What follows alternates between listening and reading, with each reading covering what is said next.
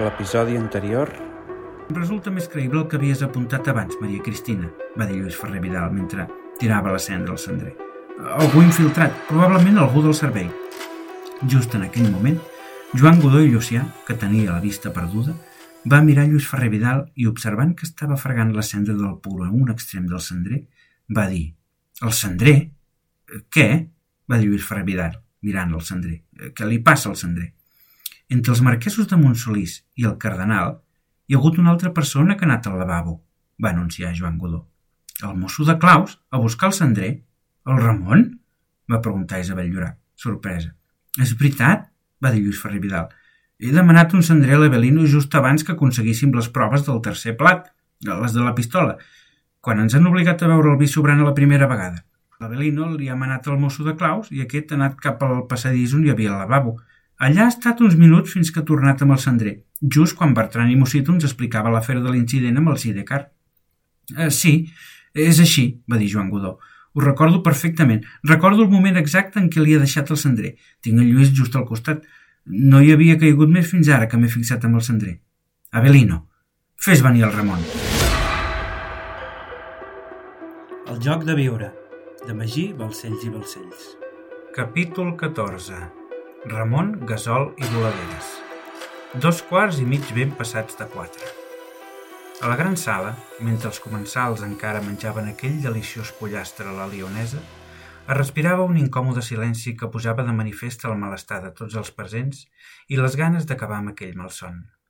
Isabel Llorac, amb la vista posada a la porta de la cuina, esperava impacient l'arribada del mosso de Claus per fer-li unes preguntes. No podia imaginar que Ramon Gasol tingués alguna cosa a veure amb la mort de la minyona, perquè el coneixia des de feia temps i sabia que era una persona impecable pel que a la moral i la seva feina es referia. Senyors, va anunciar Belino, tot entrant a la sala amb Ramon Gasol, el mosso de Claus. Ramon, va dir Isabel Llorac, assenyalant el puro de Lluís Ferrer Vidal, on has anat a buscar el cendrer? A la biblioteca, senyora, va respondre ell. I com és que has tardat tant? Va preguntar Maria Cristina Güell. He tardat molt? va preguntar ell. Sí, va dir Lluís Ferrer Vidal. No ha estat un anar i tornar a buscar el cendrer. Has anat a buscar-lo just abans que aconseguíssim les proves del tercer plat. Mentre el buscaves, hem tingut temps per llegir totes les proves de la pistola, resoldre-les i començar a parlar amb Bertran i Mosito. No has arribat fins que el senyor Josep Bertran ens explicava l'incident del Sidecar. Per què has tardat tant, Ramon? va preguntar Paco de forma inquisitiva. A la biblioteca he aprofitat per revisar una altra vegada si trobava les claus, va respondre Ramon. He mirat per tot arreu, entre les prestatgeries, sobre la llar de foc, a les cadires, fins i tot sota la catifa d'os. Quan has anat a la biblioteca? Has parat al lavabo? va preguntar la senyora Lluïsa Llorac. No, va respondre Ramon. I quan has passat per davant del lavabo, la porta estava oberta o tancada? li va preguntar Milans del Bosc. Eh, tancada, crec, va dir Ramon amb la por al cos. Creus? va dir el comte de Güell. Sí, crec que sí, va respondre Ramon amb humilitat. Ets conscient que has estat l'última persona que ha passat per davant de lavabo abans que la Tomassa es punxés? li va dir Milans del Bosc. Doncs no, no, no n'era conscient, va respondre Ramon. Doncs sí, tu has estat l'últim, va dir Paco. Has sentit alguna cosa al lavabo? li va preguntar Isabel Llorac. No, he passat cap a la biblioteca sense parar i mentre buscava les claus no he sentit absolutament res, va respondre Ramon. Li has donat tu la dosi a la Tomassa? va preguntar-li Milans del Bosc amb autoritat. No, va dir Ramon, molt espantat. El Ramon no ha fet res, va cridar la minyona embarassada, tot entrant a la sala molt alterada. És un tros de pa. Nosaltres som bona gent. Com, com, com volen que hàgim fet una atrocitat com aquesta si no, si no sabem ni agafar una xeringa? Asserena't, Mercè, Tranquil·la, li va dir Ramon a la seva dona. Que m'assereni? T'estan acusant de matar una persona per l'amor de Déu, va contestar ella entre crits i plors. Mercedes, no li convé alterar-se, li va dir Isabel Llorac. Ni a vostè ni a la criatura. Doncs deixin d'acusar el meu marit. Ell no hi té res a veure, va dir Mercedes, plorant. Som pagesos de poble, ni sabem què és la morfina ni la majoria de les coses de les que estan parlant aquí. Mercè, tranquil·la, va dir-li Ramon, mentre l'agafava de l'espatlla. Els plors de la teva dona no t'alliberen de la culpa, va dir Milans del Bosc. Culpa? va dir Ramon. Ja sóc culpable? Coneixíem la Tomassa des de feia quatre anys. Havíem compartit bones estones treballant aquí al castell als estius. Nosaltres no som assassins, som pagesos i bons cristians. Com poden pensar que hem fet una cosa així? Home, estem tancats aquí i tu ets el mosso de claus, va dir Milans del Bosc. L'home responsable de les claus les ha perdut i, a més a més, ets l'última persona que ha passat pel lavabo just abans que hi aparegués una dona morta. Què vols que pensem? Ramon, em marejo, va dir la seva esposa Mercedes. Abelino, una cadira, va dir Isabel Llorac. De sobte, Mercedes es va balancejar cap al seu marit i aquest va agafar-la més fort mentre veia com perdia els sentits i inclinava el cap endavant. Ajudeu-lo! va cridar Isabel Llorac. Ramon, que era un home prim i més aviat petit, no va poder aguantar el pes de la seva dona i els dos van caure a terra, alhora que part dels comensals s'aixecaven de la taula per observar l'escena. Mercè, Mercè, cridava Ramon, tot tocant la cara de la seva dona. Consuelo Jové es va posar de genolls al costat de la jove embarassada i li va posar la mà davant del nas. Respira, va posar la mà al coll. Té pols, deu haver estat un desmai. Ajudeu-me a aixecar-li les cames, va dir Francesc Cambó, que també s'havia genollat al costat de la jove. Què passa? Va dir Mercedes obrint els ulls, però encara convalescent. T'has desmaiat, Mercedes, li va dir Consuelo Jové, tot acariciant-li la cara. Tranquil·la. Estàs bé? Ramon? va dir Mercedes. Sóc aquí, Mercè, va respondre Ramon. Tinc gana, va dir Mercedes. Tranquil·la. Ara menjaràs, va dir Consuelo acariciant-li els cabells. No tinguis pressa. Puc aixecar-me, va dir Mercedes, reincorporant-se. No forcis, tranquil·la, Mercè, va dir-li Cambó, mentre encara li sostenia les cames. De veritat, eh, puc aixecar-me, va dir Mercedes. Mercè, t'acabes de desmaiar, no convé que t'aixequis tan de pressa va dir Cambó, tot deixant-li les cames a terra. No tenim pressa, va agafar-la pel braç. La teva salut i la del nen és prioritària. Em puc aixecar, Francesc? De veritat, no pateixis, va contestar Mercedes. D'acord, va dir Consuelo amb un somriure tot mirant-la als ulls. Jo i el senyor Cambó t'ajudarem a aixecar-te. A la de tres, d'acord? Mercedes va assentir. Una, dues i tres, va dir Consuelo. Un instant després, Mercedes era dreta, agafada per Consuelo i Cambó, i amb Ramon just a davant. Estàs bé, Mercè? va preguntar Ramon. Sí, va dir ella. Anem a la cuina, has de menjar alguna cosa? va dir Consuelo mirant-la. Estàs molt avançada, el nen té gana. Ja saps com es dirà? Si és nen, Francesc, va dir Mercedes. I si és nena? va preguntar Consuelo. Eh, com es diu vostè? Va preguntar-li Mercedes. Consuelo, va respondre ella. Doncs es dirà Consuelo, va respondre Mercedes mentre ella, Consuelo, Cambó i Ramon abandonaven la sala. Ramon! va dir Milans del Bosc. On et penses que vas? Amb la meva dona, va respondre ell. La marquesa de Gelida i el senyor Cambó s'encarregaran d'ella, va respondre Milans del Bosc. Tu et quedaràs aquí fins que t'ho ordenem. Ramon va mirar les germanes Llorac i aquestes van assentir tot donant la raó a Milans del Bosc. Ramon es van passar la saliva i, mirant indignat a les senyores que cada estiu el contractaven, els hi va dir però com poden pensar que jo he estat capaç de fer una cosa així? Sempre he estat agraït per la vostra generositat. Sense vostès vés a saber on seríem.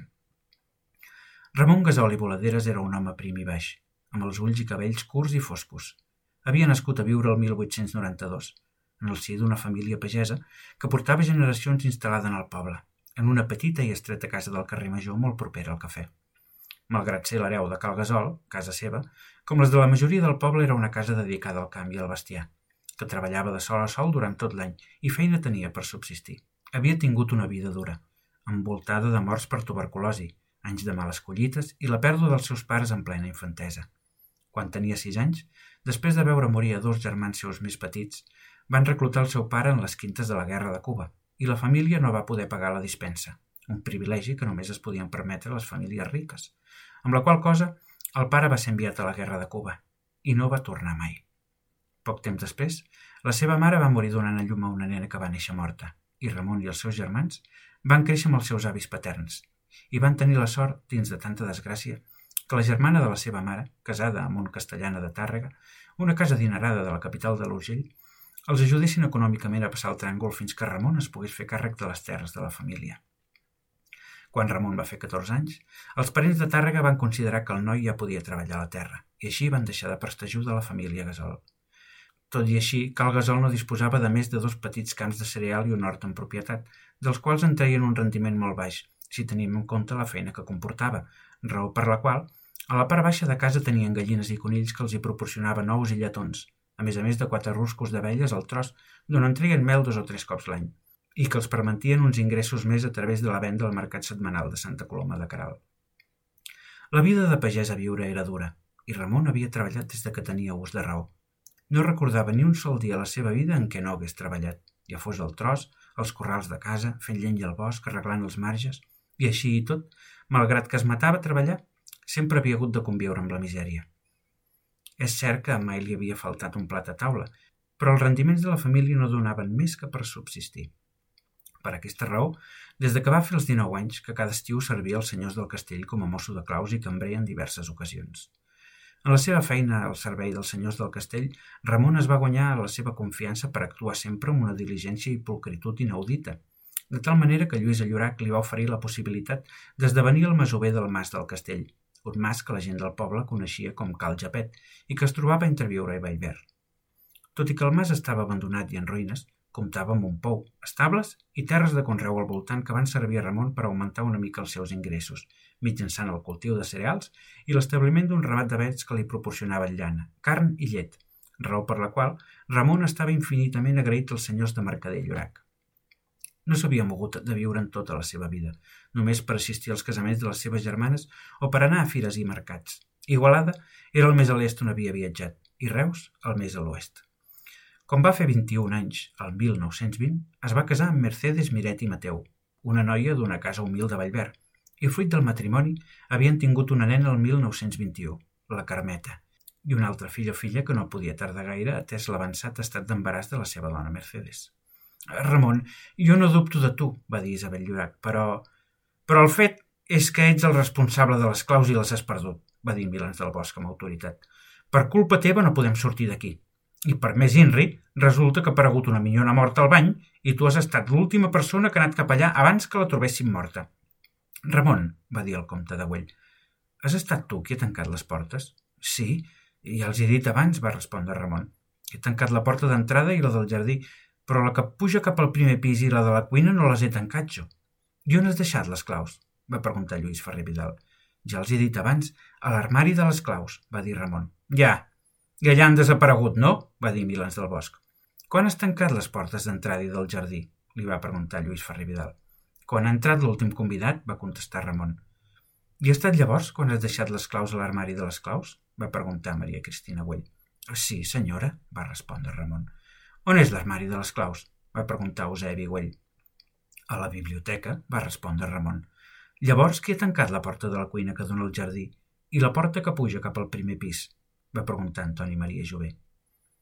La de la cuina l'han tancat des de fora i la de l'escala l'han tancat des del cantó de l'escala, va contestar Ramon al moment. Com ho saps, això? va preguntar Antoni a Bertran. A la cuina, amb l'Andrés i la resta del servei, hem arribat a aquesta conclusió, va respondre Ramon. No hem vist ningú davant la porta de la cuina en cap moment. Per tant, la porta l'han d'haver tancat des del jardí, aprofitant un moment de soroll a la cuina. Però, i com han sortit les claus de l'armari a l'exterior? va preguntar Lluís Ferrer Vidal, mentre Consuelo Jové i Cambó tornaven a taula. Només se m'acut que algú les hagi agafat i les hagi donat a l'home de la pistola de fora a través d'alguna finestra. Pot haver estat des de la finestra del bany, des de la del despatx o des de la biblioteca, va dir Ramon. L'home de fora ha tancat la porta de la cuina des de fora i després ha llançat les claus a l'home del pis de dalt, segurament també per una finestra. I l'home de dalt ha tancat la porta de les escales des de les escales estant. Ha d'haver estat així, si no, no m'ho explico. Cap dels que som aquí hem vist ningú tancant portes. Després d'un silenci de reflexió, Maria Cristina Güell va dir «Té sentit. Has dit que has tancat la porta del jardí d'entrada quan ha arribat el senyor Cambó i immediatament després ha deixat les claus a l'armari, no?» Va preguntar Guillem de Pallejà. «Sí», va dir Ramon. «Quan he tornat de la biblioteca després de deixar les claus a l'armari, vostès encara s'estaven saludant amb el senyor Cambó. Algú ha d'haver agafat les claus mentre saludàvem el senyor Cambó», va sentenciar Maria Cristina Güell. «Quan ens hem adonat que faltaven les claus?» va preguntar Lluís Llorac. Algú recorda? Després d'obrir el primer sobre, va dir Antoni Maria Jové. És cert, va dir Isabel Llorac. Quan hem acabat les ostres hem obert els sobres. Hem llegit i hem trobat el dit. Immediatament després el senyor Milans del Bosc ha intentat sortir i tot estava tancat. Això vol dir que algú ha agafat les claus entre que el Ramon les ha deixat a l'armari i entre que ens hem acabat les ostres, va sentenciar Maria Cristina Güell. És impossible recordar tota la gent que ha anat en direcció a la biblioteca i l'ordre en què ho han fet, va exclamar Anna Jové. No és impossible, va dir Domènec Cert. El senyor Godó ha estat el primer d'anar al lavabo, ho recordeu? Jo no he anat al lavabo, va sentenciar el comte de Godó. No, no, vostè no, va dir Domènec Cert. Em refereixo al vostre cosí, va dir girant el cap cap a l'home que tenia assegut al costat esquerre. Jo? va dir Joan Godó. Sí, va dir Domènec Cert. Quan la senyoreta Isabel s'ha aixecat per parlar, per donar-nos la benvinguda al castell, ha hagut d'esperar perquè vostè s'assegués al seu lloc perquè eh, vostè era al bany. Això que dius no té sentit, Domènec, va exclamar el comte de Godó defensant el seu cosí. El meu cosí no tenia ni idea d'on podien ser les claus. Sí que ho sabia, va dir Paco. En Joan Godó no és el primer cop que ve aquest castell. El joc de viure, de Magí, Balcells i Balcells.